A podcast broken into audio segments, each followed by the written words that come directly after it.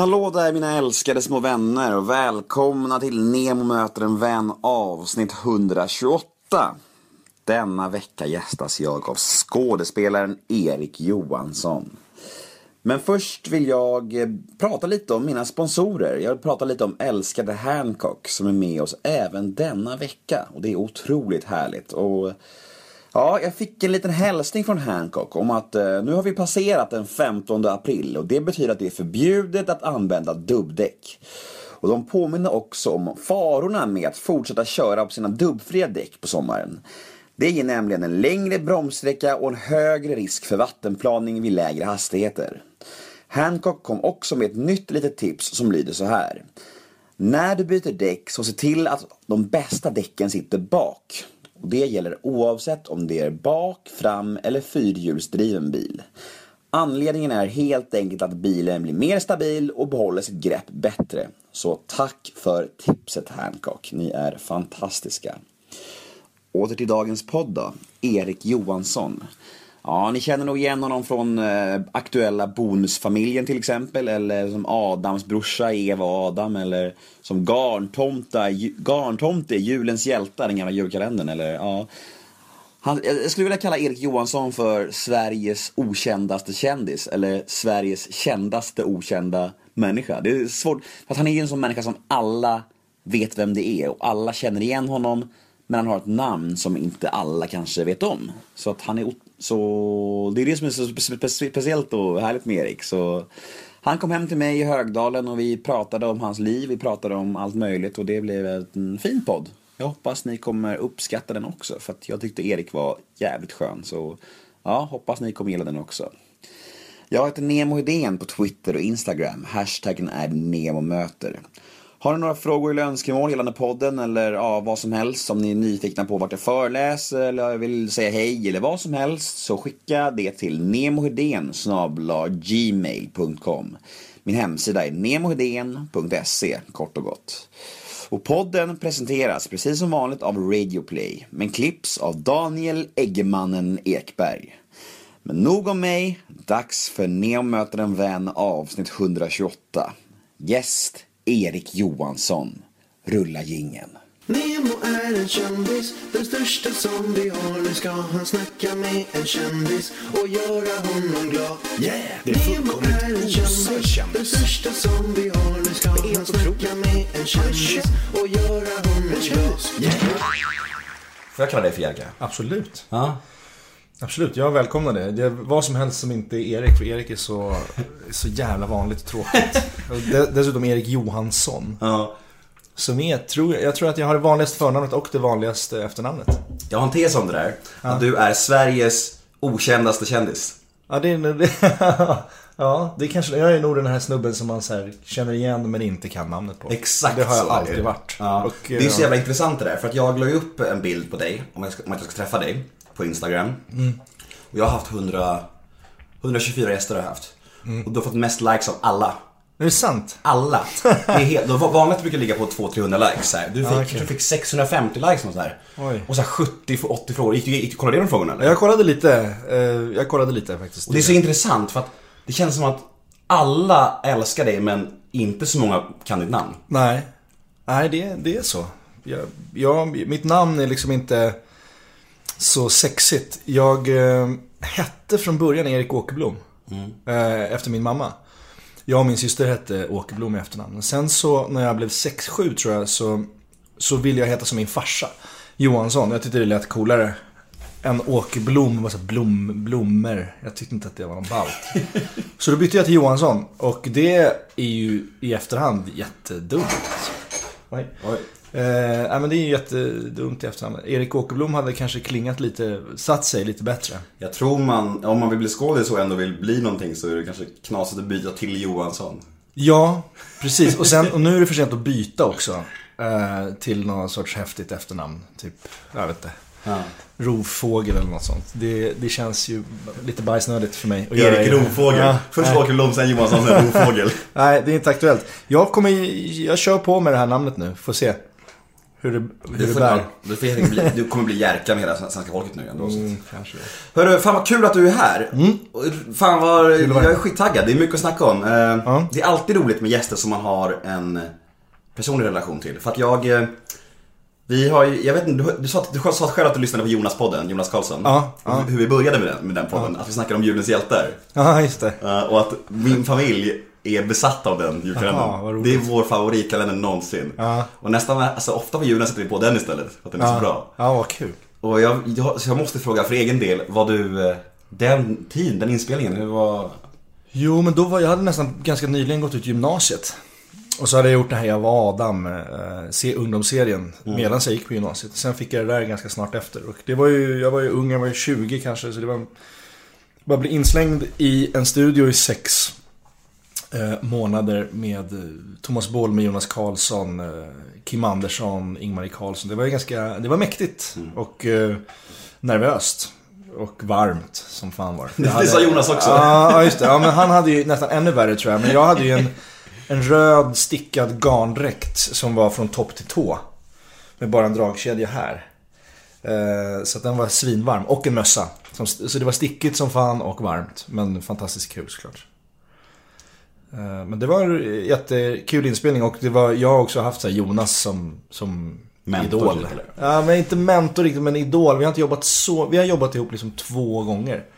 En gång när jag var 20 och en gång nu för bara tre år sedan i en film som heter Hallonbåtsflyktingen. Och det är så här, han är Ja, han är eh, faktiskt en, en förebild på många sätt, tycker jag. Både, både privat och uh, yrkesmässigt. Och var väl så här, ja men när, han- när han eh, hade, när han, när jag hörde att han hade varit med i den här podden så tänkte jag, ja men fan, då ska jag också vara med.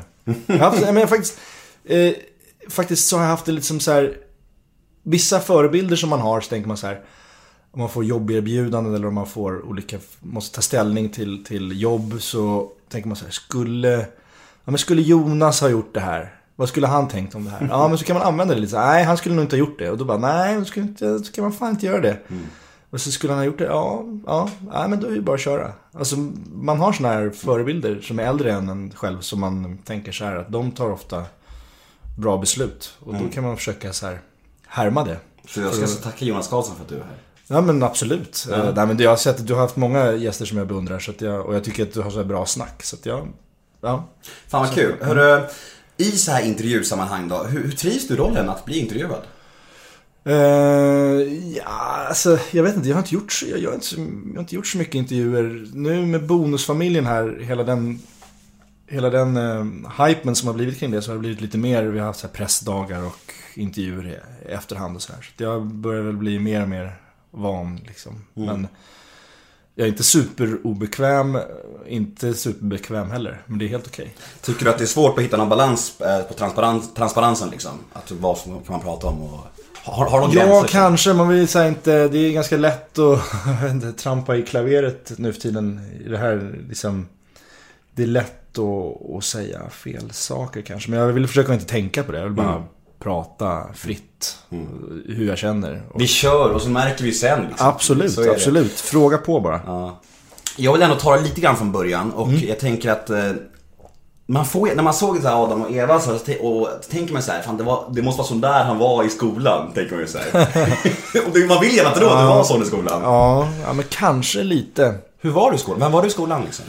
Eh, ja, nej, men jag var nog kanske den här... eh, jag, var, jag var typ kortast och minst hela mellanstadiet och högstadiet. Uh, och den som så här fick hår på kuken sist och var liksom kortast. Så att jag tror att jag kompenserade kanske genom att vara rapp i käften och vara lite kaxig och, och störig. Jag var nog kanske inte så jävla mysig. Eh, Men för att jag var rädd typ. För att jag var rädd att få stryk kanske. Så jag fick använda min, min käft till att ta mig ur situationer och så här. Men så att jag tror att när jag fick rollen i Eva Adam så var det väl för att när jag provfilmade så så gjorde vi improvisationer och liksom jag bara var en jävligt jobbig typ. Retade din lilla syster. Så jag, hade, jag har ju lilla syster själv och stora syster som jag har retat gallfeber på. Så att jag, jag hade skills för den rollen. Ja. Det kändes ganska naturligt Ja, på något ja sätt. men det var nog ganska naturligt. Det var mycket liksom bara improvisation också. Vi bara körde. Och jag fick gasa på. Var så jobbig jag bara kunde. Så jag kör upp liksom kallingarna i facet på Adam och bara var jobbig, knacka på, och kissa på toaletten och kissa utanför och be Eva torka upp det och sånt där. Allt sånt är liksom som vi har skapat på plats. Det stod ju inte i manus. Eh, Så det var, det var, det var close to home. Mm. Vi kommer återkomma till Eva och Adam lite grann för att det är, som du såg själv på Instagram, det var ju väldigt mycket frågor Ja. kring det. Och det känns som en roll som folk har liksom, fast, liksom hängt upp sig på lite grann. Ja. Eh, men jag vill ändå dröja kvar lite vid din ungdom, uppväxt, skoltid så här. Eh, skulle, om du ser tillbaka på din liksom, ung, ungdom och uppväxt så här, skulle du säga att du var, har en lycklig barndom och uppväxt eller en knepig? Nej, lycklig. Absolut. S- eh, superlycklig. Jag har liksom ingen sån här... eh, vad ska man säga? Inget mörker? Jag har inget mörker. Om jag har ett mörker. Alltså mina föräldrar separerade när jag var väldigt liten.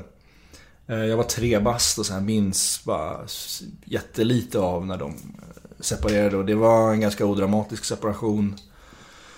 De var kompisar och bodde nära varandra och, och eh, jag har aldrig upplevt att de har bråkat och sådär. Men sen, sen är det klart att det var väl, jag var väl ledsen då ett tag så här. Men eh, jag har en ganska lycklig barndom och eh, den är på, på det sättet kanske ganska ointressant och så här.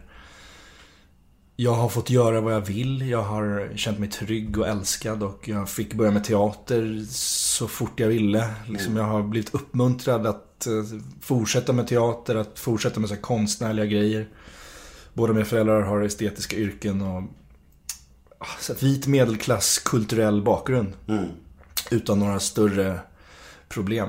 Och eh, jag är jätteglad för det idag. Men, så här, men jag, samtidigt kan jag känna så här, fan det är lite tråkigt på det. Så man ska ha lite mustiga, mörka historier som Du liksom... skapa ditt mörker Ja men så, här, nej, så, här, så jag kan så här, sitta och berätta om så här, men den där gången när jag stod där, då märkte jag att eh, nej, det var det här jag skulle pyssla med. Jag skulle visa alla att, ta fan, att jag kan göra det här. Alltså du vet så här, revansch. Många skådespelare drivs av revansch.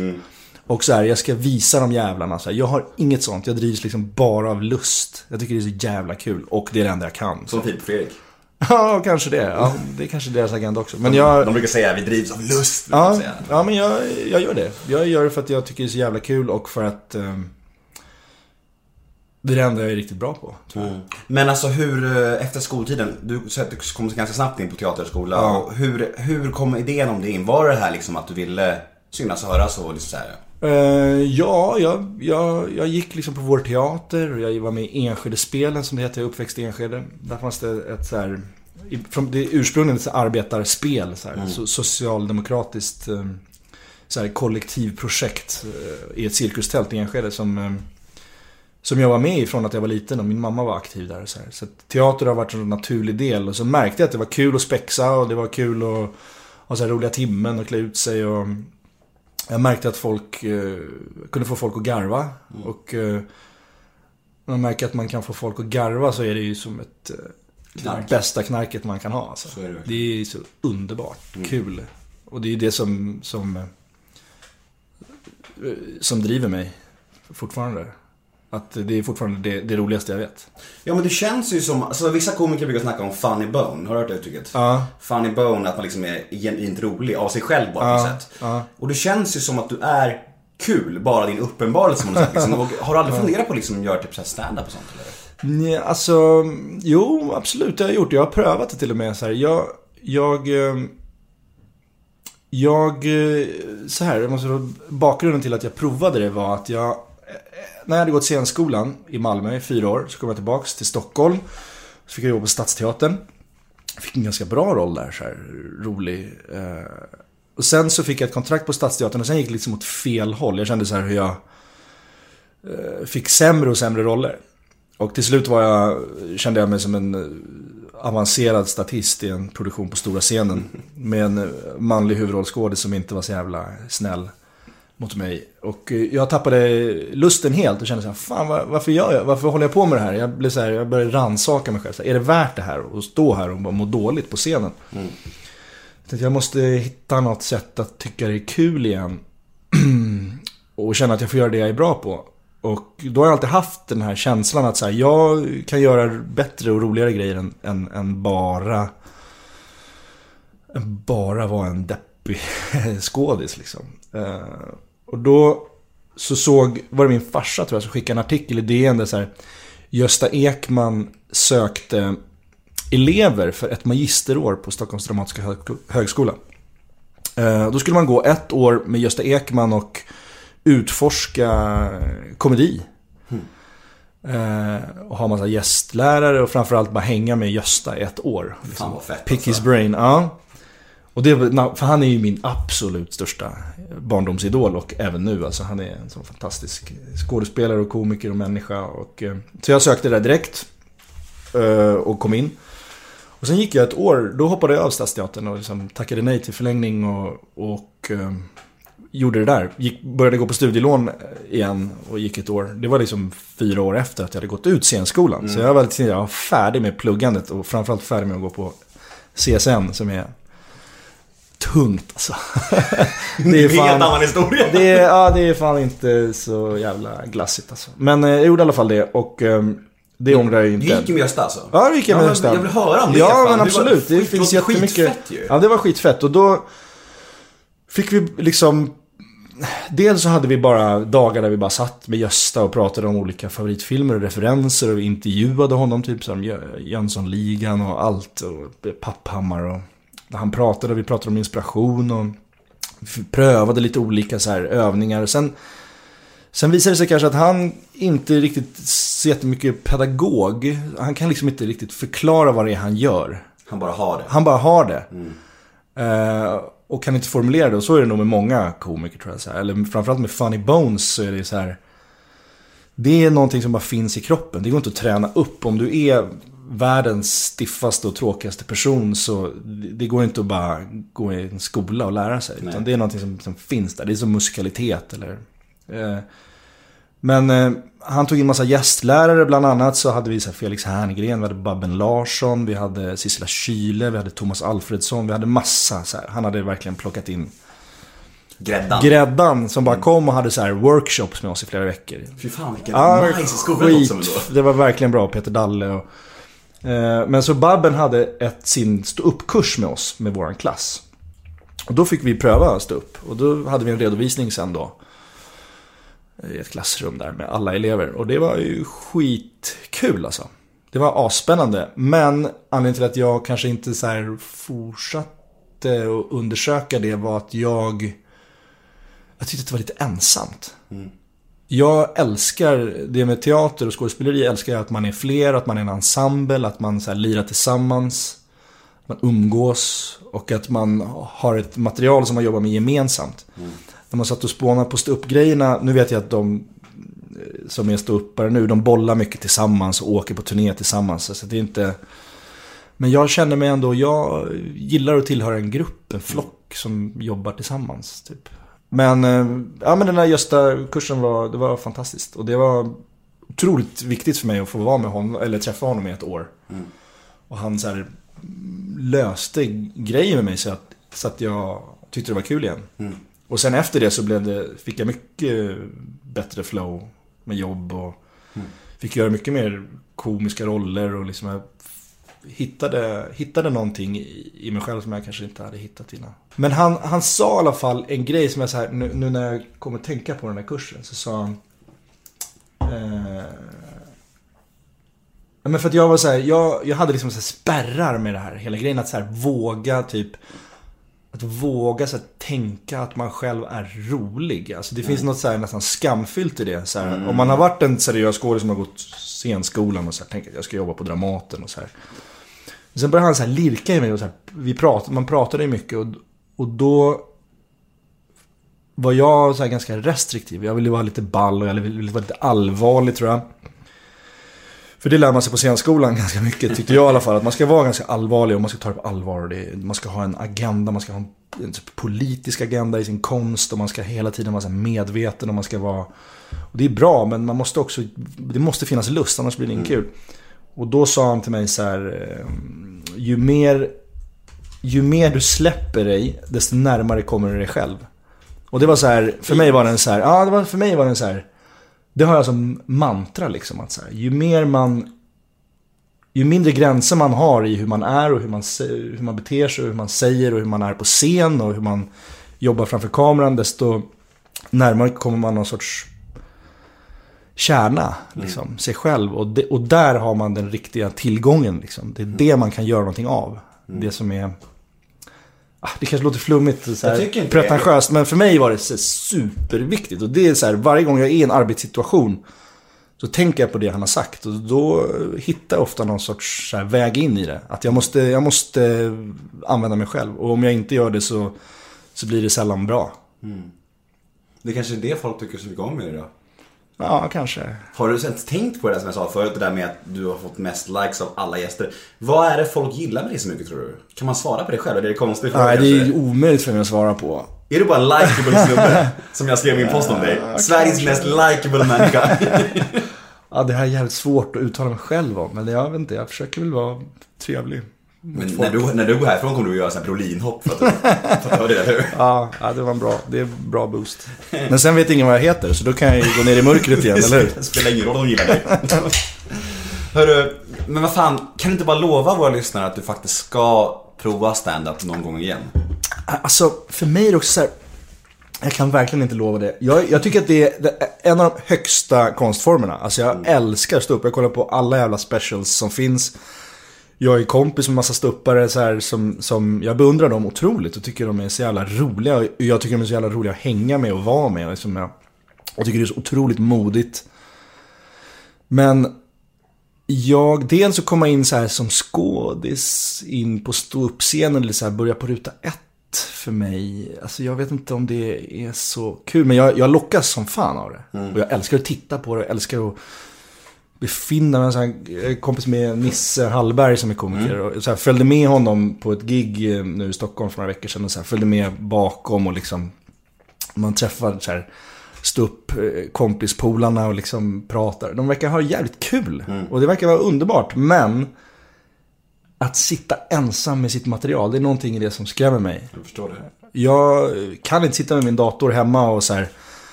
Ja, det, hände, det här hände idag. Jag ska försöka skriva en rutin om det. Jag, jag älskar att vara så här, som på Bonusfamiljen. Jag och Vera bara så bollar och träffas på morgnarna och sitt, hänger hela dagarna och bara spelar och snackar och så här. Jag, jag behöver det. Man är också extremt blottad som ståuppkomiker. Ja. Alltså du vet, om, om det går dåligt så är det ju verkligen, då är det du som alla kollar på liksom. Ja. Och då är det liksom, visst, de, de proffsigaste ståuppkomikerna har ju ofta så här nödmaterial kan plocka till. Plocka till. Men när man börjar så man, då har man ju inte det liksom. Nej, och hela den här grejen som folk säger, du ska bomba 10 000 gånger. Jag bara, i helvete, jag är snart 40. Jag tänker inte gå in och bomba någonting 10 000 gånger någonting, ever. Again, jag har bombat tillräckligt liksom i min, i min skådiskarriär. eh, men jag lockas absolut av det och tycker att det är så jävla ballt. Och, ehm, jag, jag också tycker att det finns en intressant aspekt som, eh, som jag har jobbat med Johan Rheborg ett par gånger. Och han berättade att han har liksom stå uppat bort sin scenskräck. Och det tycker jag är så här, fan det låter ju asgött alltså. Om man kan göra det. Han har liksom varit på scen så mycket och bombat så mycket och hållit på så mycket så att han är liksom inte nervös längre. Sen är han ju såklart nervös, alla är nervösa. Men det, det värsta kanske, scenskräcken är borta. Så här, och det skulle ju vara rätt skönt. Jag har inte jättemycket problem med det. Men ibland så kan man tänka så här, fuck. När man står där bakom och man hör sorlet i salongen, så här 700 pers. Och man bara, inte i form. Och man vill bara dra därifrån. Att ha någon sorts mekanik då hade ju varit bra. Fan, eh, det är så intressant nu när du sitter och droppar sen, när du, pratar- när du pratar om dina kollegor. Du, alla de här har ju, har varit med i min podd. Jag blir såhär, jag blir så här, lite stolt över mig själv. Jag bara, Jonas Karlsson, Johan. Rheborg, Nisse. Hallberg. Alla har ju varit här liksom. Det är så jävla fett. Blir en e- ego-boost. Ja. Hörru, har du någon, någon så här tidpunkt i, eh, i karriären där du kände så här, fan, det här, det här eh, kan jag fan nog leva på. Det här är jag bra på liksom. Det här kommer nog bli mitt, det här är liksom min grej. Har du någon så här genombrottspunkt som du känner själv så här?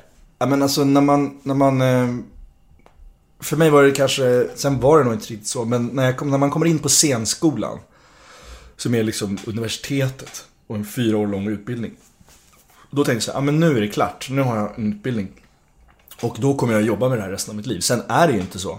Så det var ju lite naivt att tänka, men då kändes det så att så här, nu är det klart. Nu går jag från att vara en så här talang som har filmat under gymnasiet och liksom gjort lite små roller till att bli en professionell skådis. En seriös skådis också. Det var så här.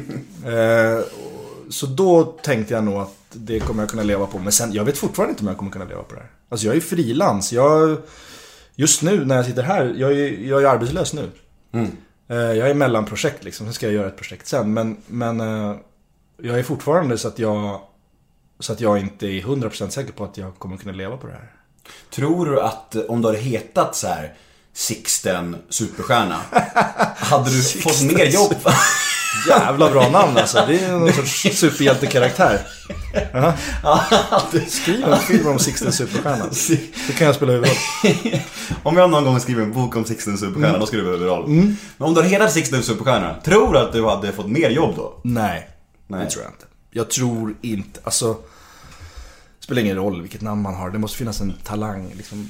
Även om du har ett ballt efternamn så måste du ha en jävla talang för att lyckas. Så är det. Men det är det, mycket- finns ingen som kan surfa på sitt namn. Tror jag. Det är väldigt mycket press på dig om du heter Sixten Superstjärna, tänker jag. Ja, ja precis. det Ja, ja, men det kanske är en positiv press. Press är bra. Så är det nog. Ja. Hörru, det är som du såg själv på den här posten jag la upp om dig, att det är typ så här 30 frågor om Eva och Adam. Och alla är ganska lika. Alla bara Berätta allt om Eva och Adam! Världens bästa roll! Alltså jag vet inte, det här blir en ganska bred fråga men Berätta om det. Den, tid, den tiden var det hysteriskt för du blev ju så jävla populär den där rollen du var. Alltså, jag upplever att det har blivit mer i sen, på senare tid. När, när jag väl gjorde det och började sändas så, så, så upplevde inte jag att det var sån genomslagskraft. Som det liksom är nu. Alltså den har ju sänts om och om igen.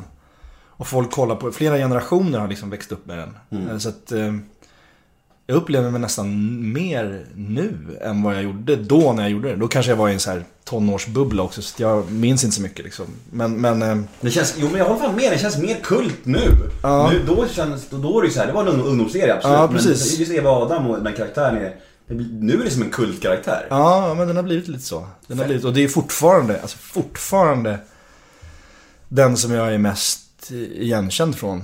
Fast jag har gjort liksom 40-50 produktioner efter det. Hur känns sån grej? Att du bara gör nya grejer hela tiden och ändå bara Åh, Evas brorsa! Ja, men fan. Det är också kanske så här.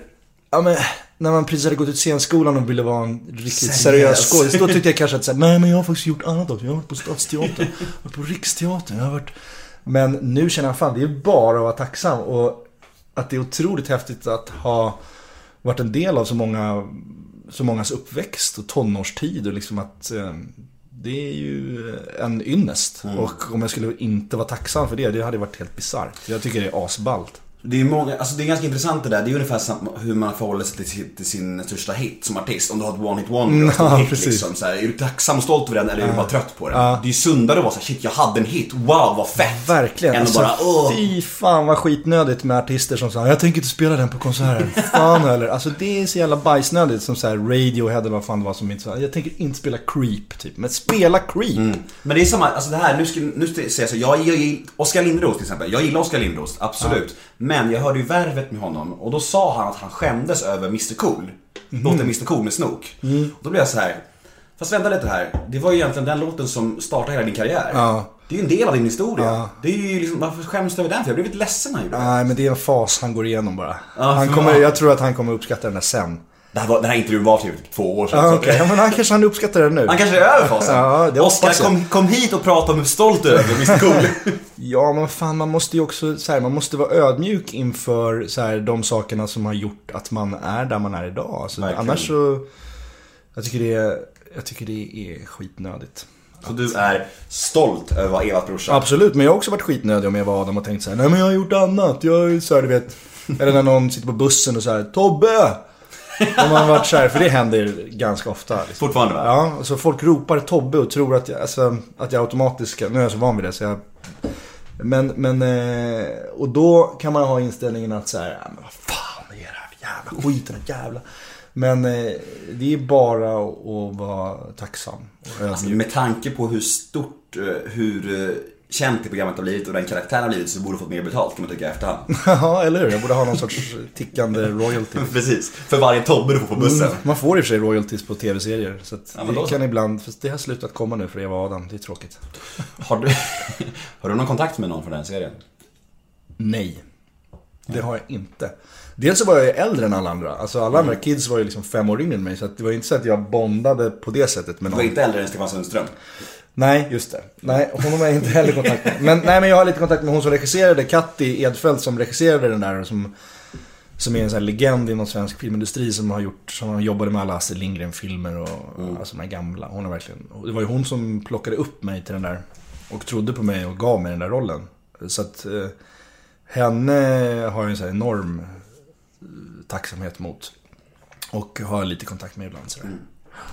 Eh, jag tycker ju väldigt mycket om Stockholm Boogie. Tycker det är en väldigt härlig film.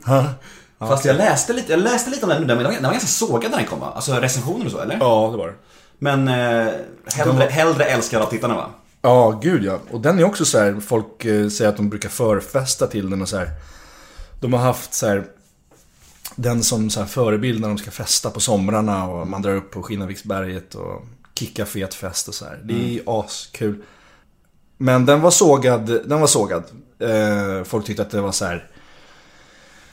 Eh, försökte vara coola liksom söderkillar som bara aldrig haft några problem i hela sitt liv. Och att den var liksom eh, trivial och banal och töntig och jag blev så jävla, jag blev ganska ledsen och provocerad av många av de där. För det var verkligen så här, vi var polare som gjorde den. Jag är ju som bästa kompis med de som regisserade, två tvillingar som heter John och Kalle. Och eh, alla vårt kompisgäng var inblandade i produktionen på ett eller annat sätt. Som skådisar eller i teamet. Vi var en månad på en sommar där vi bara så här filmade och festade och hade, det var fantastisk jävla sommar. Och ni var säkert fulla när ni gjorde den. Ja, ja, ja. Det finns scener där vi är väldigt eh, fulla. Absolut. Vad glad jag blir av att höra det här. Ja, ja, det är ja, ja, det fantastiskt. var dyngra... Den här festen så var ju verkligen... Ja. Det var så va? Ja. Fan vad roligt. Ja. Nej, men det var gött. Men sen så, jag blev till och med så provocerad av en recension så att jag svarade anonymt på kommentatorsfält på den jäveln som sågade. För jag blev så, jag blev så ledsen att man inte liksom kunde ta det för vad det var och liksom. Ah, den är ju inte en finsmakarfilm. Det, det är den ju inte och det får man väl ta. Men just då kände jag så här, vi hade ändå försökt liksom, ge den också någon sorts djup och, och att, framförallt att ungdomar skulle känna igen sig och liksom Men, alltså, då känns det som att ni lyckades med ert syfte liksom. Absolut, så här i efterhand så, så hellre att massa unga människor kommer fram och säger att de så här, jag lever med den här filmen, alltså, ja, det är min bibel. Så här, Hellre det än att någon bajsnödig idiot på Nöjesguiden ska tycka att den är bra. Liksom. Eh, Men just då så, ah, jag tyckte det var snålt. Vad har du för förhållningssätt annars till eh, så här, recensioner och kritik och sånt där? Tycker du att det är, går det, går, blir du lika ledsen varje gång eller rinner det av det ibland? Eh, nej, jag blir nog lika ledsen varje gång. Sen så, så, här, så, som alla skådisar så försöker man så här, man ska inte läsa recensioner överhuvudtaget. Men det är som ett sår som man bara så här, kan inte låta bli att klia. Så att jag, jag läser ganska mycket. Och, eh, och han har blivit rätt luttrad också. Så här. Är det någon som tycker att man suger så, ah, fine. Jag vet vad jag kan och vad jag gör. Och oftast vet jag varför det blir dåligt. Oftast vet jag varför det blir bra. Och så här, så att man får ta det som en liten, ah, en liten pust liksom. Och sen får man bara glömma det. Jag tycker det är intressant, du är inne på någonting där, det här med att vi människor ofta rent tvångsmässigt rotar i saker som vi ändå vet att vi kommer må dåligt av. Ja, Så här, det så man. man går in och läser saker där man vet att det som står här kommer jag nog inte bli må bra av. Nej. Liksom, det, kan, det kan vara att läsa din tjejs sms eller läsa en recension eller gå in och läsa på någon post där du är upplagd och som alla kommentarer så här, Jag har gjort, senaste dagarna har jag gjort det och det är så här, Ja men jag såg det. Ja, jag såg En det. intervju som var lite en intervju jag gjorde som fokuserade mycket på mitt gamla kaos. Jag gjort mycket skit i det förflutna. Och, då, var det så här, och då fick jag mycket kommentarer eftersom att det enda som framgick i intervjun var mitt kaos. Inte där jag är idag liksom. Nej. Så jag gick in och läste där och jag läser och jag bara, de här människorna vet ju ingenting om den förändring jag har gjort. Och då, så här, då är det bara, det bara jag ondare och ondare Ja, i mig liksom. ja, och jag vill bara förklara, jag vill bara, jag vill Ja. komposera det här. Ska jag skriva Ja, någonting? jag Nej, fattar. gå ut därifrån.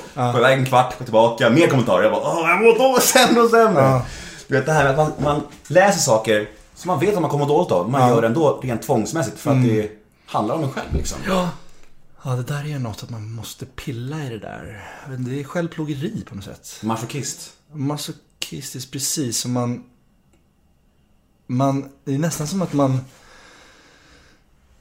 Den här smärtan är, någon, det är någonting liksom som...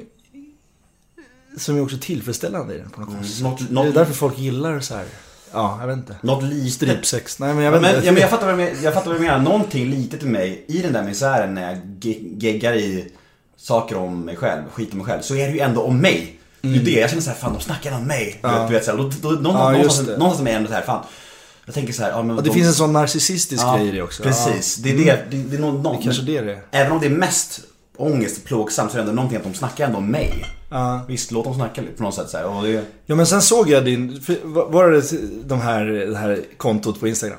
ja, det var Ja. det, det försvann sen tror Ja jag. men sen skrev ju du en kommentar som jag såg. Som var så här: du satte dig mycket högre än dem. Det var bra, det var bra? Ja, det var jättebra. Ja, tack. Det var jättebra att du liksom inte gick in i någon sorts konflikt eller att du bara ställde dig över det där. Och så här, fint, ha det kul grabbar, men jag är bortanför det där. Det tycker jag var moget och bra. Och Skönt. eh, det är så man ska liksom Mötas. det är samma sak. Jag skulle aldrig ha gått in och svarat på den här recensionen. Det är det dummaste man kan göra. Men jag var ju 24 eller vad fan jag var.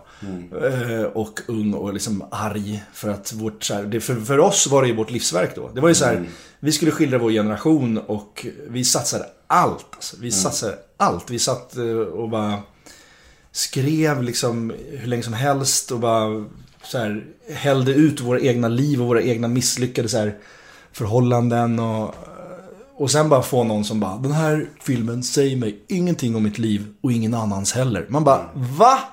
Vad säger du? Det gör den ju visst det.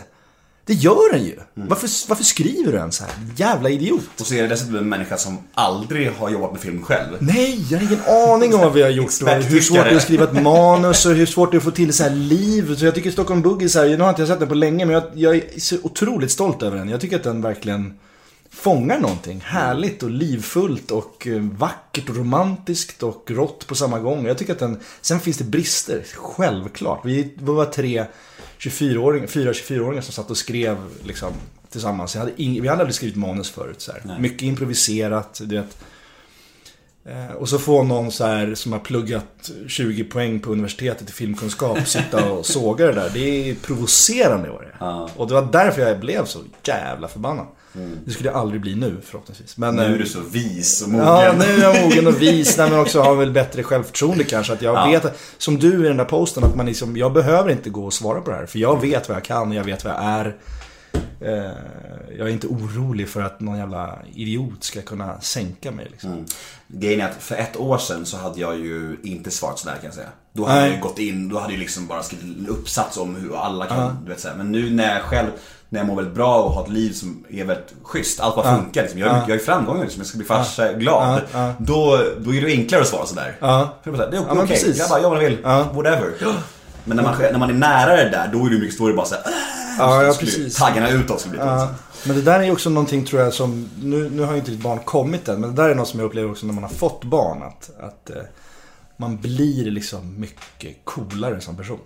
Alltså man blir mycket coolare. Låter underbart. Ja, man landar och man får en så här, bas och en trygghet. Man får ett fokus, ett tydligt fokus. Så här. Ah, Det finns ingenting som är viktigare än ens barn. Och det gör att man blir så här, ganska fri på andra sätt. I sitt yrke. Och eh, jag vet så här, om inte jag får den här provfyllningen så fine liksom. Det är lugnt. Och det gör, alltså att jag tänker så här. Det, det viktigaste är mina barn. Och eh, vad som än händer så är de fokus nummer ett.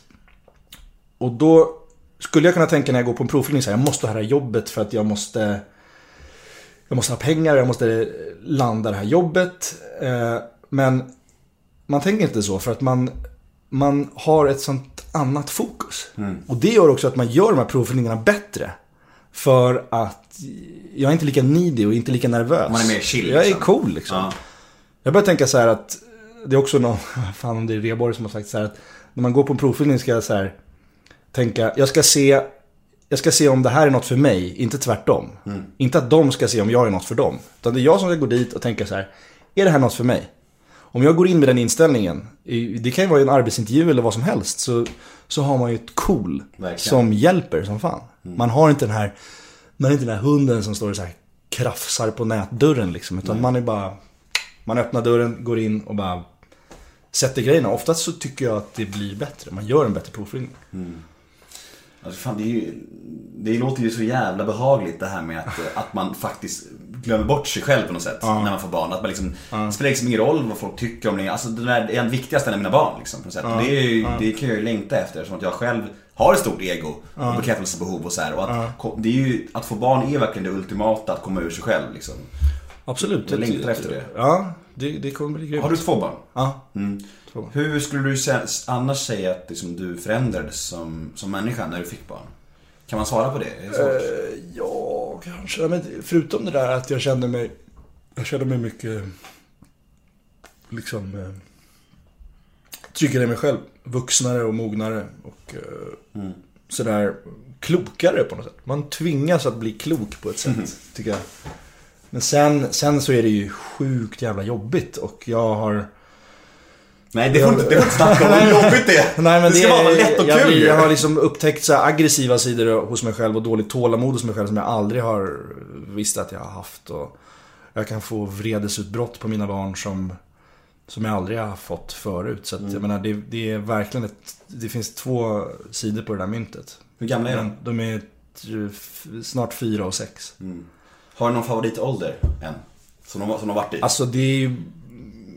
Ja, alltså fem, sex nu. Sexåringen är ju så jävla ballt när de börjar skriva och prata och tänka och säga roliga grejer. Och, De blir riktiga människor, liksom. Självgående och sover hela nätterna, ingen vagn, de går på muggen själva. De, eh, de är som små polare. Mm. Istället för som små knytten som man måste bära kring på och torka i röven. Liksom. De är som en buddy. Det är helt fantastiskt. Det är Mm. Men i, hur är det första? Alltså är det verkligen så jävla jobbigt som folk säger? Ja. Nej, jag älskar ju att sova! Ja, ja, ja, men ett barn är lugnt. Ja. Ett barn är faktiskt, det, det är mysigt. Mm. Alltså, och första tiden ligger den bara och sover typ och är gullig och gosig. Mm.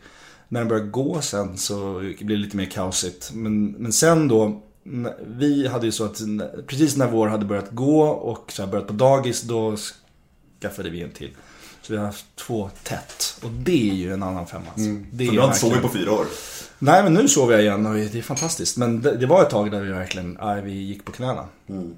Och, och det är tufft. Men eh, det får man tillbaka sen när de börjar latcha och eh, försvinner in på, på rummet tillsammans och liksom man hör deras röster leka och prata och så här. Sen bråkar, de, sen se. bråkar de som fan också, men det är ändå härligt. Mysigt att se deras relation med varandra. Ja, och tänka hur den kommer bli när de blir vuxen också. Så syskon, jag har syskon som min storasyrra står mig så extremt nära liksom. Och det är, jag kan inte tänka mig mitt liv utan henne. Och då, vet, och, och då ser jag att mina egna barn, tänker att de kommer få den där. De kommer alltid ha varandra.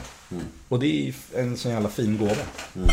Jag har ju fem syskon. Ja, okej. Och jag, och jag hatade det under uppväxten. Det var så här, man fick ju aldrig någonting. Eller så här, det var, så här, vi var ganska fattiga. Så här, men nu i vuxen ålder så är det en sån enorm gåva. Ja. Du vet, sån stor släkt och alltid någon att bolla med. Du vet, Det är ju fantastiskt.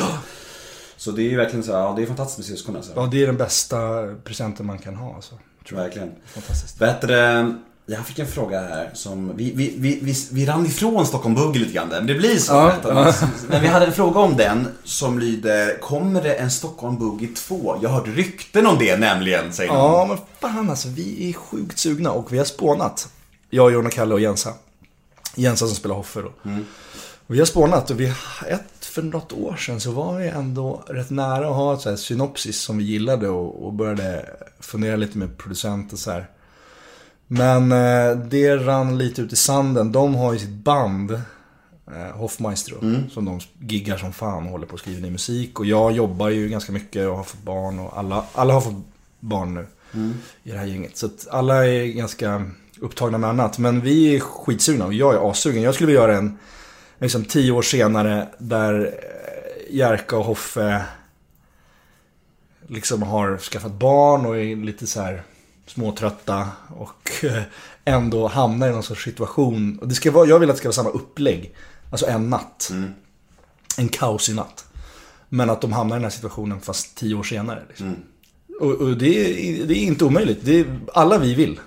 Vi behöver bara någon, en, Någon producent, finansiär. en producent som tror på det och eh, så behöver vi hitta en tid som passar. Bör ju vara en sommar kanske. Och sen måste vi skriva manus och så här och bara bestämma oss tror jag. Men eh, det är absolut inte omöjligt. Jag, jag vill verkligen, verkligen göra det. Fan vad kul. Ja. Det är många som längtar efter ja, det. det vore askul alltså. Vill du förresten ha, vill du ha fler barn? Eh, nej, inte, nej. nej, två räcker bra för mig. Det är fantastiskt. En, två är en bra siffra. Två är en bra siffra. Hörru, nu måste vi snacka lite bon- Bonusfamiljen. Såklart. Ja, Eh, det är ju en supersuccé. Och eh, en sån grej, alltså först och främst, hur hamnar du i Bonusfamiljen? Eh, ja, jag, eh, ja, jag provfilmade. Eh, jag vet att de hade hållit på ett tag med så här casting och, och provfilmning tror jag. Och sen kom jag in ganska sent i den processen.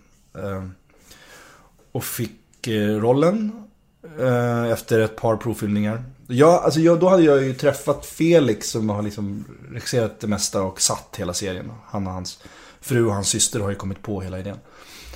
Och eh, jag hade ju jobbat med Felix eh, på det här Gösta Ekman magisteråret. Så att vi hade väl, kände varandra lite så här. Och sen fick jag det och sen... eh, Ja, på den, på den vägen var det. Sen, sen så höll jag på... Eh, skulle vi hitta vem som skulle spela tjejen då. Och då höll jag och Vera på fram och tillbaka ett par gånger och provfilmade med varandra. Och sen så blev det klart att hon skulle få. Och då var det bara ingen tvekan att jag skulle köra. Mm.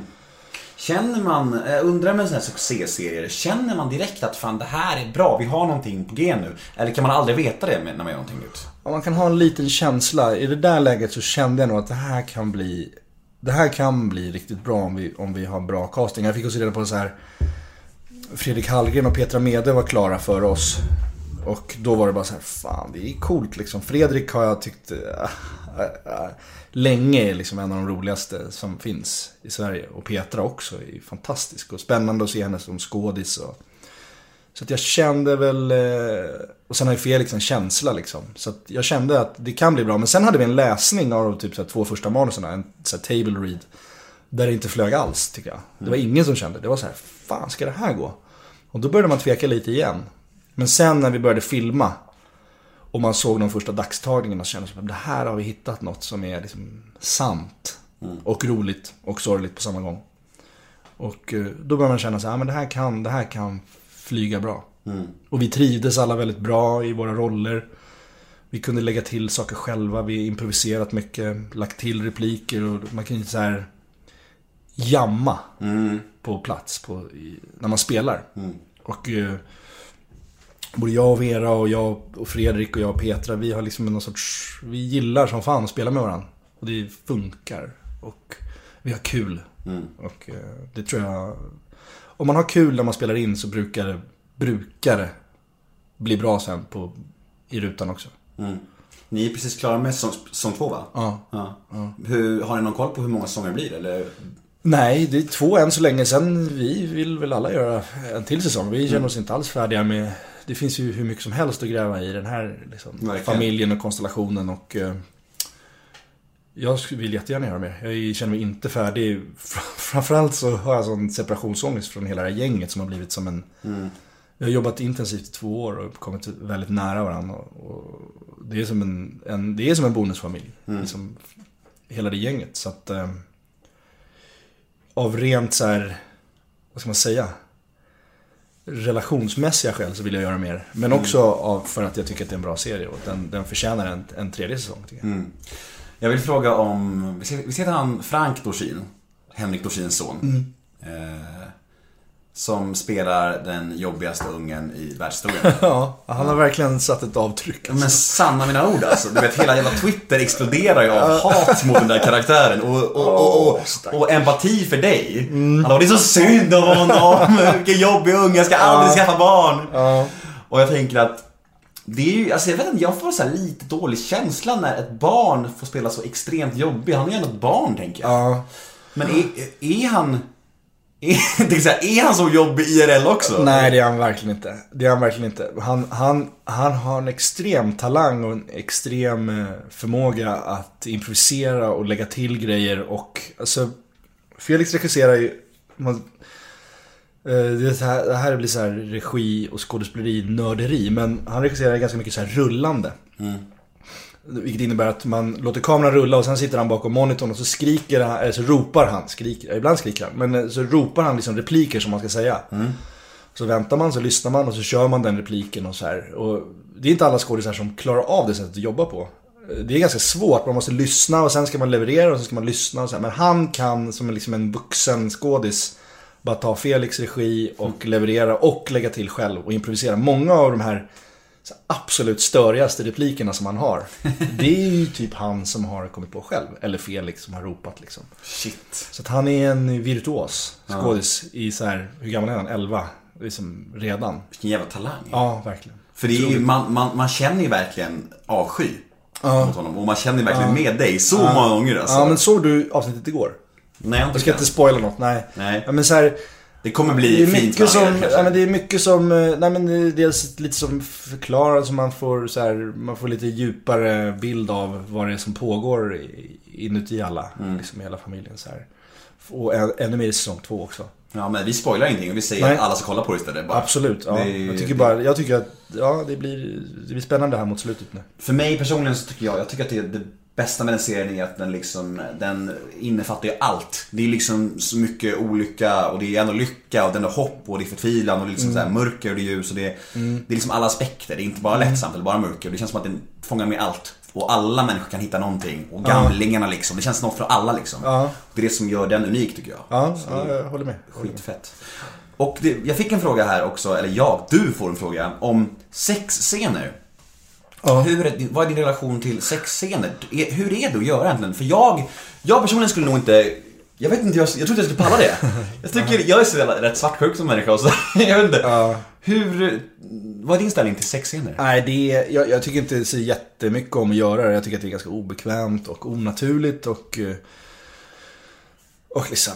Och, så nu, i den här, jag och Vera har blivit så jävla bra polare så att det är liksom helt lugnt. Vi kan bara garva och köra och så här. Det är verkligen helt lugnt. Men ibland så kommer man ju till, till en inspelning där man aldrig har träffat människan förut. Så bara, nu ska ni knulla på varandra här liksom. Och eh, det är inte kul, tycker jag inte. Nej. Jag tycker inte att det är mysigt. Sen är det inget så här, jag har inga problem med att jag blir så upphetsad. Så vissa har jag förstått så här, får liksom bånge och bara tycker att det är asjobbigt och så här. Men jag tycker att det är så otroligt obekvämt att det står en, en ljudkille med en bom över och liksom lampor och eh, folk som kommer fram och, och sminkar och så det blir så mekaniskt och tekniskt så att för mig, alltså jag går inte alls igång på det. Nej.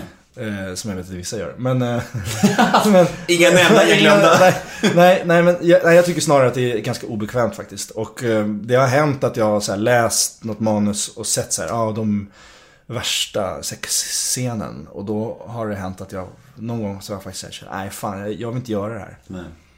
Om man kollar, du var, du var inne på det att du hade gjort ganska mycket ändå. Mycket som folk inte vet om liksom. Har du något eh, i din karriär som du känner att du är mest stolt över hittills? Något, något, någon film, någon kanske bara lite bortglömd serie, jag vet inte. Som du känner så här. Vad är du mest stolt över i karriären? Jag är väldigt stolt över Blå ögon. Här, Är du nazist där? Är det Ja, ja. ja, den är jag stolt över. Den, den tyckte jag jag fick göra något Påläst, annat. Jag fick påläst. Vara, ja, det är bra. Det är bra. ja, men där fick jag göra något så här helt så här annorlunda än vad jag hade gjort så här åren innan. Så det var helt befriat från komik och jag fick vara skurk. Mm. Och det var askul. Och den, eh, den är jag jättestolt över. Det var så här, jag eh, också mm, jobbade med Adam Lundgren som blev så här bra polare och vi hade väldigt kul när vi spelade in. Det var så här bra, bra upplevelse. Och jag tyckte att serien blev bra. Mm. Och jag hade verkligen velat göra en till säsong av den. Men eh, nej, det verkar inte aktuellt tyvärr. Nej. Men det, Ja, den är jag stolt över. det där är så intressant tycker jag. För när man liksom, som var inne på tidigare, det här när man skapar serier och man själv känner att det här är riktigt bra och så kanske det inte når ut till folk. Nej. Är, det- finns det besvikelse och sorger i sånt liksom? Eller? Ja, absolut. Det gör det ju. Det gör det ju. Man hoppas ju alltid att det ska bli så här, verkligen slå stenhårt. eh, Allt det man gör. Det är, jag har gjort filmer också som jag tänkt så här, fan det här kommer bli skitbra. Och det här kommer liksom bli en riktig jävla dundersuck. Och Sen så blir det inte det. Och det, det gör ont ett tag men sen går det över. Sen hoppar man på nästa. Och börjar satsa på nästa provfilmning och nästa jobb och, och så här. Så att man kan inte heller gräva ner sig i sånt så mycket. Nej. Har du någon eh, regissör eller skådis i Sverige som du drömmer om att jobba med?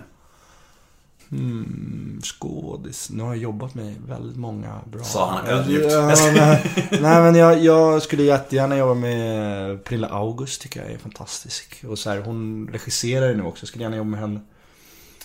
Jag skulle jobba med så här folk, ja, men jag tycker att det är ganska spännande att tänka på att jobba med folk som man har jobbat med för länge sedan och jobba ihop igen. Typ. Så här, en film som jag gjorde som heter Familjehemligheter. Jag gjorde det kanske 2001. Som är en 70-talsfilm som, med Rolf Lassgård. Där han spelar min farsa. Och jag är typ så här 17-18. Vi har inte jobbat ihop sedan dess. Det skulle vara så asballt att jobba ihop igen. Typ, Och se så här, var- vart man har kommit. Det är spännande. Skulle du vilja göra julens hjältar en jul till? Ja, det hade, det hade varit jävligt grymt alltså. Och Jonas har jag också alltid jobbat med. Det är som en dröm. Vi jobbade ihop på en film som heter Hallonbåtsflyktingen för några år sedan. Och det var också så asgrymt alltså. Jag tycker Jonas är så jävla, alltså som du är inne på, alltså, jag, jag tycker han är helt otrolig. Mm, Alltså, och att just det här att när han var här, han var, han var ju så jävla fin och snäll Mm. och sympatisk. Och sen så går jag och ser honom på Maximteatern. Jag, såg, jag och syrran var och såg eh, scener ur ett äktenskap. Ja. Där han är så vidrig alltså. Så jävla otäck liksom. Jag bara shit, är det samma människa där verkligen? Ja, han är otroligt bra alltså. Han är verkligen, han är en av de bästa. Verkligen, det håller jag med om. Jag har lite frågor som jag ställer till alla mina gäster. Mm. Och nu kommer de. Vad har du för relation till alkohol? Eh, ja, alltså kanske tycker om det lite för mycket. Tror jag. Att jag, jag är ganska bra på att, att festa. Eh, och liksom dricka kanske lite för mycket. Men eh, jag försöker att ha det på en bra nivå liksom. Men eh, har också så här släkten lite så här alkoholproblem. Så det är någonting, ja, det är någonting som man kanske borde reflektera lite över. Men eh, jag tror att jag har en, en, en stabil, sund relation ändå. Droger? En stabil, sund relation. Bra. All right. Eh, vad har du för relation till döden? Inte mycket. Jag har varit ganska förskonad från det i mitt liv. Jag har så här morföräldrar och sånt som har gått bort av naturliga skäl. Men jag har liksom inte haft någon nära som har eh, gått bort än. Det är verkligen förskonad från döden. Är det någonting du eh, reflekterar över? Alltså, jag tänker att när man själv får barn så kanske det blir någonting man tänker på extra mycket. Jag måste finnas för mina barn och så här. Och... Har du någon dödsångest? Har du tänkt? Ja, men lite kanske. Men det, det är sådana tankar som jag bara slår bort väl. För det, det är för mörkt att tänka på. Liksom, om det skulle hända något.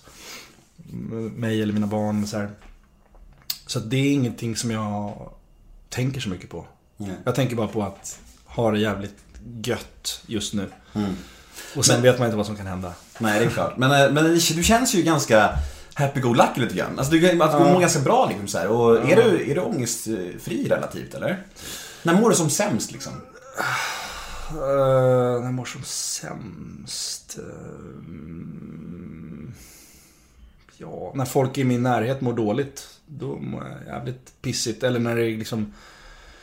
Jag kan må jävligt dåligt med, på jobbet om jag känner att någonting inte funkar. Eller liksom jag känner att så här, det blir piss. Eller jag, man jobbar med någon som, som verkligen inte får må bra. Så här, då kan jag må skitdåligt. Men oftast är det om, om nära eller kära mår dåligt. Då är det det är det absolut jobbigast. Du var inne på någonting förut där, att du jobbade med någon som fick dig att känna dig usel. Någon, Ja. någon... Ja. Kan du inte berätta vem det var? Det är? Nej, det kan jag inte göra. Kan du göra det efter inspelningen? Ja, det kan jag. Ja. Varje gång jag säger så här till mina gäster, då får jag alltid så här 800 mail från folk som bara såhär, Du måste berätta vad han sa på den frågan! Men det tar vi efter då. Ja, absolut. När grät du sist? Eh, ja, det var nog... Det var nog... Fan, det var någon film jag såg tror jag. Eller vänta nu. Nej, men jag grät... Ja, nej. Nej, men det var... Det var... Äh, nu senast... Fan alltså, igår låg jag och zappade och hamnade på Sofias Änglar. Det går... Jag kan... Jag kan inte ens se trailern alltså. Det går inte. Det är tungt. Men det är därför också jag kanske, jag är så förskonad från så här döden och, och, och så här mörk, liksom folk som, och, liksom cancer och allt sånt. Jag, jag har verkligen inte upplevt det på nära håll. Så att för mig blir det, det är så främmande och läskigt så att jag blir helt knäckt om jag börjar tänka på det. Mm. Alltså, så jag, jag såg jag trailern till Sofias Änglar och bara, nej, det bara, bara paja ihop alltså. Klarar Men jag tänker att du är ändå så förskonad från eh, stora trauman i livet. Alltså hur kommer du, hur kommer du då tolka, ta det när det väl händer någonting tänker jag? Jag vet inte. Jag vet inte, men det ligger ju i pipelinen alltså. Jag menar, så här, ja, men ens, mina päron börjar bli äldre och så här, folk runt omkring och så här, äldre kollegor. Så folk som man har jobbat med har börjat så här, droppa av och det, är, det kommer närmare och närmare på något sätt. Hur gammal, du är 40 typ eller? 38. 38, förlåt. 40 typ. Jag är The 30, big jag är four. 30 typ. Ja, ja, ja. Eller 29 så. Ja, ja, gött för dig. Du får kalla mig 30 då. Mm. Hörru, vet du, jag vill fråga lite om din relation till Bayern. Ja. Är du hardcore-bajare? Alltså jag är inte hardcore bajare jag, jag, Bayern är mitt lag och jag försöker se så mycket matcher jag, vill, eh, jag kan. Jag har ju sett dig vid arenan ibland. Ja, ja, okej. ja. Nej, men, eh, jo, men jag brukar gå och så har jag börjat eh, ta med min son ibland. Och sen, men sen har jag lite, jag har fan en lite splittrad känsla till det här med fotboll. Om man ska vara ärlig. Med, med Bayern och Berätta. Jag älskar liksom Bayern, jag älskar att gå på Söderstadion. Sen vet du fan om det är en sån jävla sund grej för, och som jag vill säga, alltså, även om man sitter på så här familjeläktaren med min son, så står det så här farsor och skriker, gormar och bara skriker på domaren och skriker så här jävla fitta, fan kan du inte-" Du vet så här. Här sitter min så här femåriga son bredvid och så här. Ja, ah, det är sådär man gör. Det är sådär man hanterar sin ilska. Det är sådär man hanterar sin frustration. Det är sådär man talar med andra, män, andra vuxna människor. Så här. Det är inte nice, det är inte soft att visa sin son att det är okej. Och, så här, och jag vill samtidigt inte sitta på läktaren och säga Hörru, skärp dig, tyst, var tyst. Så här, det har jag gjort några gånger, det är liksom Det är inte heller bra. Det slutar aldrig, aldrig bra. Man har ju mycket, mycket att vinna då kanske. Nej, men du vet, du skriker på någon gammal så här, så här veckad KGB-nacke liksom. Med, med Oakley-briller. Och man bara, "Åh, vad fan? Och Man bara, okej, ja, det är lugnt, det är lugnt. Så att jag, jag älskar att ta med honom dit, så här, gå och köpa korv och så här, han rider mina axlar och liksom, det är fantastisk så här, grej att göra med sitt barn. Och det är så här vår och det är härligt, det är eufori. Men sen kommer de här jävla idioterna som står och skriker på det här sättet. På, som man gör på fotboll. Som är accepterat på fotboll. Och jag vet inte om jag vill eh, här, visa min son att det är okej. Nej. Jag tycker inte att det är soft. Nej. Nej, jag förstår att du är lite kluven där. Och att det även är, att det är så till och med på, på familjeläktaren. Alltså i gubbläktaren som man säger. Mm.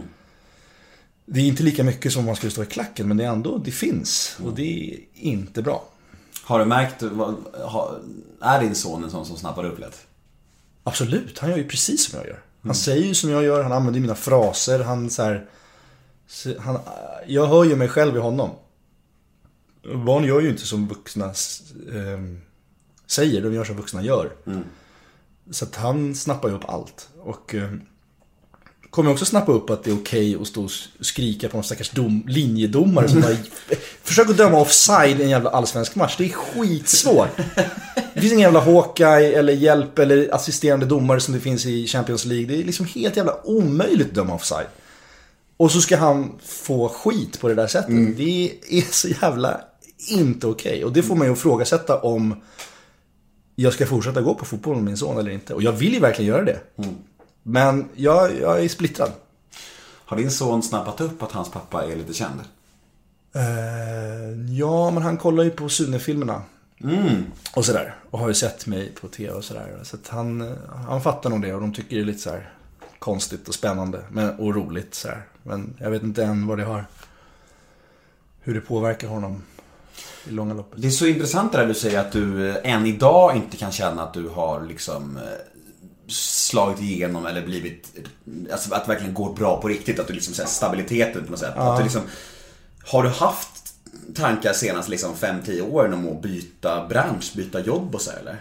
Alltså inte nu senaste åren, men ja, kanske där, just, just i den där perioden när jag sökte mig till magisteråret med Gösta, så innan dess så kände jag så här, fan det här går åt fel håll. Det är så här, efter scenskolan så trodde jag att det skulle vara liksom Raksträcka? raksträcka. Och det var det verkligen inte. Så här, jag, jag gjorde massa grejer som jag inte trivdes alls bra med och kände så här att jag får inte göra det som jag tror att jag är bra på.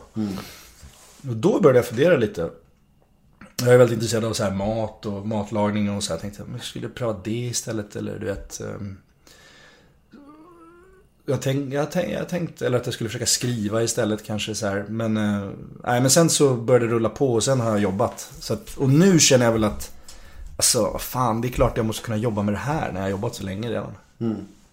Jag menar, jag har ju en, en, en, en, Talang! jag menar, jag har en talang och ett, ett, en, en, ett CV som, som, som liksom visar på att jag kan jobba med det här. Men sen vet man aldrig. Alltså, det kan ju dröja, jag menar det var inte länge sedan som jag gick så sex månader utan gig. Och bara, vad fan ska jag göra? Så att eh, ja, jag, men jag tror att det kanske kan vara sunt att inte känna sig helt safe. För man tvingas anstränga sig hårt för varje gig som man gör. Många skådisar återkommer till det när de är gäster här. Att den dagen man liksom börjar vila på lag- lagarna och blir för trygg och för stabil i sin prestation så blir det liksom inte bra ändå. Så, Nej, nej men det ligger nog i, någonting i det. så det kanske är bra att du är lite nervös lite på helspänn hela tiden. ja, kanske. Du blir ja. extra liksom så här 100% pepp när du, när Ja. du får jobb liksom. Ja, man vill alltid göra ett, ett så jävla bra jobb som möjligt. Man går aldrig in och kör någonting med vänsterhanden utan man vill verkligen leverera varje gång. Men drömmer du om liksom så här guldbaggar och Hollywood och allt vad det nu är? Ja, det är väl klart man gör det. Så här. Det, det, det, här, det här är någonting som jag ofta reagerar på när jag hör skål. Alltså man aldrig har drömt om Hollywood eller man aldrig... Det är inte det viktiga för mig. Så här. Men det är klart att man skulle tycka att det var asballt. Alltså. Jag skulle tycka det var askul. Sen... Sen är det ingenting som jag kommer så här. Jag kommer inte... Jag kommer inte så här flytta dit och bo på en soffa en månad för att, för att, för att försöka landa någonting. Utan, För det har inte jag råd eller tid med. Liksom. Jag har ungar och jag... Jag är, jä, jag är jävligt nöjd så länge jag kan jobba här hemma i, i Stockholm och, och få betalt för det. Och, eh, men det är klart att jag drömmer om, jag drömmer om massa feta grejer. Men är inte du, alltså jag vet inte, jag kanske är fel ute nu, men är inte du från samma kompisgäng som många av de som stack dit? Du vet Joel och de här, eller? Jo, vi gick ju Södra Latin tillsammans. Ja. Joel och Gurra och Matte och Ja, alla de där har ju dragit. Alla stack ju. alla Du dragit. tänkte inte det, fan jag provar att sticka dit bara, så eller? Nej, nej. Nej. Nej, jag, dels så har jag inte liksom haft de där riktiga så här, ska man säga, alltså jag tror att om man ska få liksom luft under vingarna och dra dit så måste man ha någonting som verkligen en boost liksom. Som Joel som hade snabba cash och Matte som, hade, som bara blev så jävla fet och Espinosa och det blev en sån jävla bass kring det där. Och då har man nog lite lättare att liksom man får lite leverage och göra det. Jag har liksom aldrig haft någon sån riktig dunderhit så här, som har gjort att jag har känt att jag har haft den luften under vingarna. Eh, det kanske kommer, jag vet inte. Men jag, Vad fan, Evas brorsa? ja, det gick inte så jävla bra internationellt tyvärr. Det är märkligt. Bättre sent än aldrig. Men jag, jag, jag ska inte sticka under stol med att jag verkligen ska tycka det var asballt. Jag hatar, hatar, nej hat är ett starkt ord, men jag, jag, jag, tycker, jag tycker inte om skådisar som sitter och säger att de inte drömmer om så här Hollywood och, alltså det är väl klart man gör det. Det är ju så här, det är som att vara fotbollsspelare och säga så här, men jag är, jag är, jag, Jag är nöjd med division 2. Ja men jag är jättenöjd med att lira här i BP liksom. Det är lugnt för mig bara så här. Jag vill inte alls spela i Juventus. Bara, det är klart du vill spela i Juventus, ljug inte. Nej, jag håller helt med. Det är märkligt. Ja men det är som att i vår bransch så ska det vara så här, man ska vara, man ska vara cool och man ska Det- vara, Men det är klart man vill göra det. Det, Det är också känns som att det är någonting svenskt över det också. Ja men det är det nog. Det är det nog. Så här, jag är ändå glad att jag får liksom jag får försörja mig på det här. Jag är glad över det. Ja, ja, man men måste det- fan ha mål och drömmar också. Ja, absolut. Man måste ha drömmar. Jag tycker det ska vara asballt. Men det är ingenting som jag heller kommer gå över lik för att göra så här. Men eh, absolut, någon gång vill jag pröva det. Inget tvivel om det. Det hoppas jag att du får då. Ja. Men har du kontakt med de här snubbarna som vi nämnde precis? Joel och Gustav och de här? Ja men vi träffas ju ibland i så sociala sammanhang. Sen är inte vi så jättenära. Så vi har ingen sån daglig kontakt. Men vi, vi, vi morsar ju och träffas ibland. Ringde du Gustav och rekade min podd innan du kom hit? Jag messade honom. Gjorde du det? Vad skrev du? Jag bara, ja, jag hörde att du har varit med i det här Nemo. Eh, vad, vad tycker du om det? Så här, är det lugnt? Han bara, ja men kör, det är asbra. Eh, ja, nej, men då, och då tänkte jag. Och så pratade jag med honom och så eh, lyssnade jag på Jonas. Och sen var saken biff. Fint alltså. Vad glad jag blir. Hörru, jag har ett segment som heter ett ord om. Det går ut på att jag säger fem stycken offentliga människor i Sverige som brukar eh, beröra. Liksom, och du får säga första ordet som kommer i ditt huvud. Okej. När du hör namnet. Okej. Är du med? Alex Schulman. Rik. Marcus Birro. Mobbad. Sara Larsson. Asgrym. Jimmy Åkesson.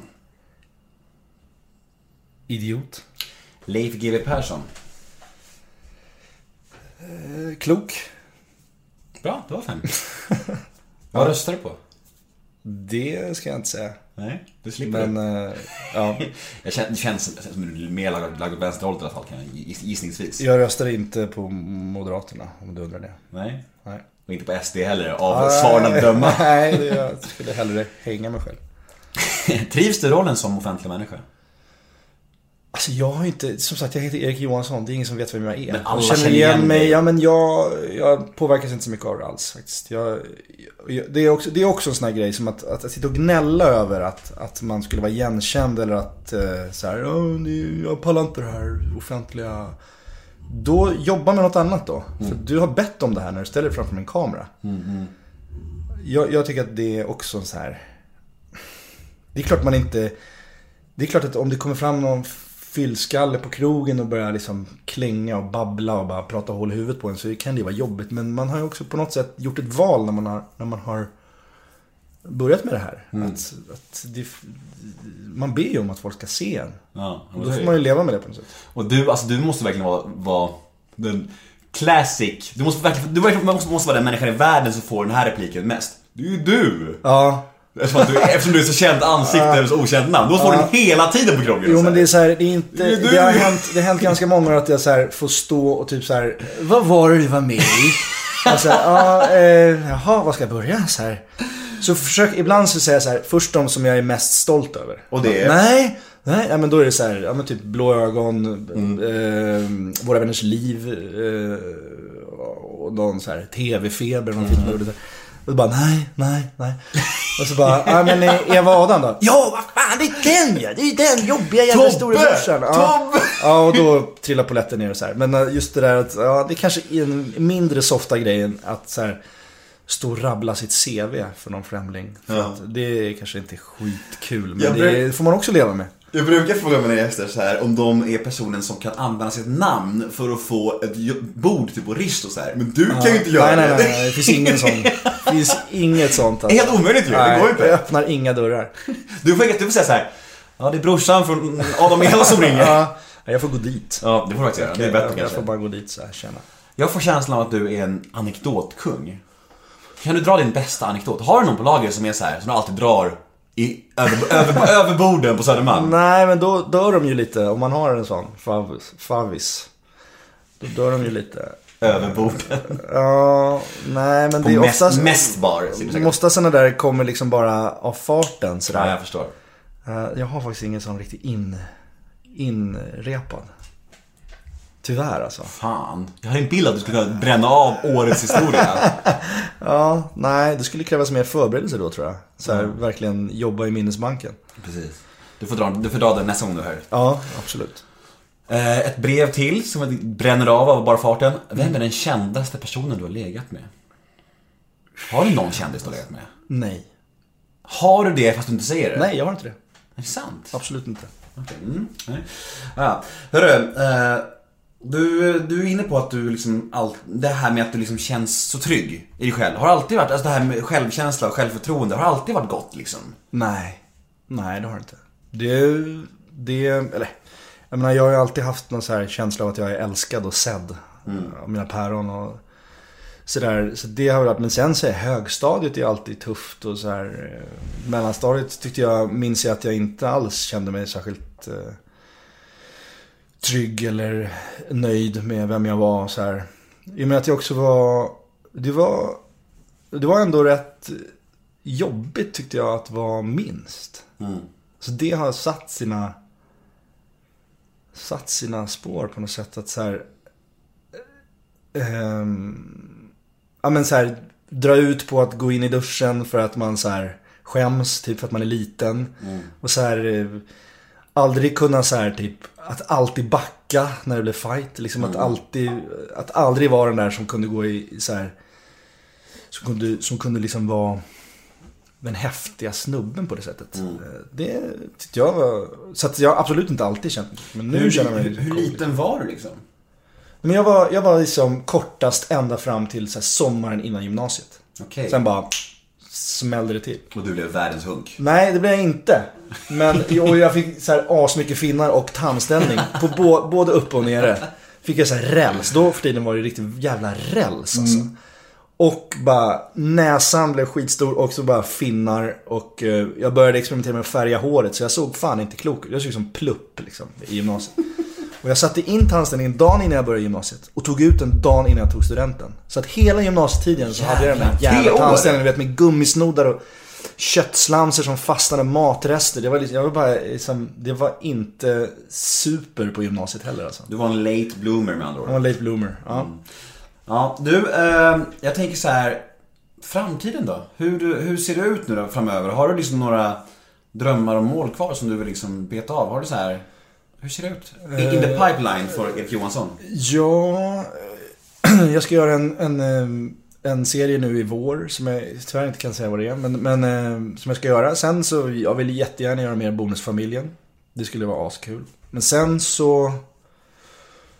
Jag, vill, jag skulle vilja pröva regissera. Och eh, jag har nosat lite på det så här. Jag gjorde en egen pilotserie som aldrig blev av. Det var jävligt tråkigt. Men jag tyckte det var skitkul att regissera. Och det skulle jag vilja göra. Men det är också så här. Det är som det där med här, stå upp att att börja på ruta ett igen när man har jobbat så länge. Det är, det är tufft liksom. Eller det, det, det krävs någon visst um, mod kanske. Som jag inte har. Jag tror jag tycker ganska mycket om att köra på, på det jag kan. Så länge det går. Ja, jag fattar. Men eh, ja. Jag, tror, jag tror det är mänskligt alltså. alltså du vet, det, är, det är något som strider emot det i vår kropp. Att kasta sig ut och göra bra från noll igen när man har någonting Ja. bra och tryggt också liksom. Ja, precis. Och framförallt också som man har två kids. Som Ja, precis. man eh, bara måste ju ha mat på bordet och de måste ha liksom, stövlar. Och, alltså, det är ju, man, är in, det är, man är inte redo att bara slänga allt och så här pantsätta sin lägenhet. Och, Nej. du vet, som, man hör så här romantiska historier om folk som så här, bara, "Nej, jag pantsatte min lägenhet och bara satsade allt på den här piloten. Och så här. Alltså alla de där historierna Det- känns ju som efterhandskonstruktioner. Det gör det så här. Det är det som, som de säger i intervjuer. De säger det i Stjärnorna på slottet sen, bara för att de säger mm. som en bra historia. Det var säkert inte ens så. Jag satsade allt på att bli skådespelare, jag gav upp hela mitt liv.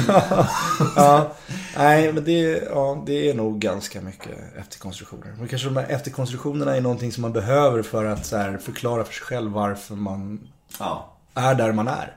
Och de är viktiga. Det är som den här det är som den här som jag sa med Gösta. Den är ju jätteviktig för mig. Men det, det är ju ingen efterhandskonstruktion. Men det, jag kanske har gjort den viktigare än vad den egentligen var. Men, men för mig är den super, superviktig. Mm. ja men så är det, man har ju milstolpar i livet Ja, som man precis. lägger mycket vikt vid. Ja, men du måste ju ha det när du, liksom, när det vänder för dig. Vad, Så är det ju. vad var, har du någon specifik liksom?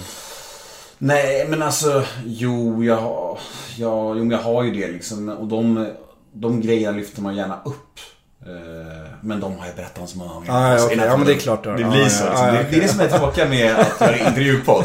För det blir oftast så att mina gäster blir nyfikna på mig också. Ja, ja. Då drar jag min story lite snabbt. Och då blir det så att mina, mina lyssnare får höra det för 75 Ja, ja, okej. gånger. Då får jag gå in och lyssna på gamla avsnitt. Det får du göra. Ja, det... Eh, Det var, det, jag tänkte på en sista fråga bara. Mm. Eh, har du några sista final råd till mig som ska bli pappa? Ja, det har jag. Och det är att... Det är att eh, under första liksom ett, två åren bara fullständigt lägga undan alla tankar på att du ska liksom, få, att det är viktigt med egen tid, att det är viktigt med träning, att det är viktigt att komma ut med polarna, att det är viktigt att så här. Jag tror att man måste bara gå in i den här bubblan och eh, kötta på. Mm. Och investera tiden i det stenhårt. För att eh, om man ska hålla på och känna hela tiden att man måste att man måste iväg på annat, få egen tid och så här, då, då det, här, det här rådet vet inte jag om det funkar. Det, jag vet inte ens om det, har funkat, om det har funkat för mig. Men min instinkt säger att liksom man gör det lättare för sig själv om man bara bestämmer sig för att nu är det det här som gäller. 100%. Inget annat.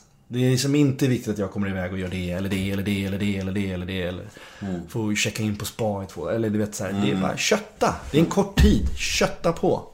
Gör det bästa du kan. Och släppa, jag tror att man måste, viktigt släppa principer och småsaker liksom. Ja. Försöka vara- Och det här med sömnen. Alltså sömnen. Det är också så här, det... Eh, när, när, jag, när jag skulle få barn, då jobbade jag med Johan Ulveson. Som också är en så här en förebild och mentor och kompis. Så här.